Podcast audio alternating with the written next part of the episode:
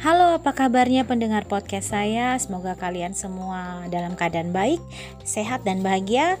Podcast kali ini saya akan dibersamai oleh seorang siswi atau murid dari SMPN 3 Tamiang Layang yang pada tahun lalu 2021 menjadi juara dua pada lomba konten sanitasi media sosial. Dia adalah Wina Febrianti.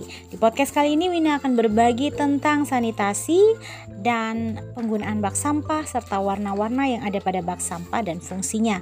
Oleh karena itu, selamat mendengarkan ya. Halo semua, perkenalkan nama saya Wina Febrianti.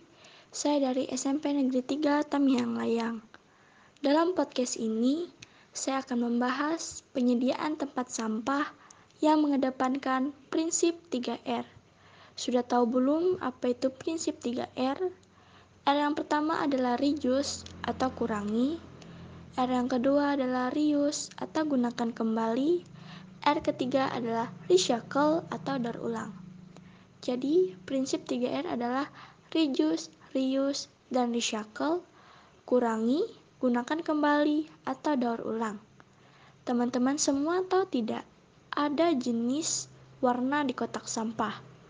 Ada warna hijau, kuning, merah, biru, dan abu-abu. Jenis warna pertama adalah hijau. Kotak sampah warna hijau untuk sampah organik. Misalnya seperti daun, sisa makanan, dan ranting. Kotak sampah yang kedua adalah warna kuning.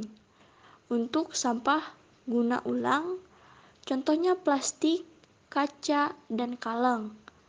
Kotak sampah ketiga adalah kotak sampah berwarna merah. Adalah jenis sampah berbahaya.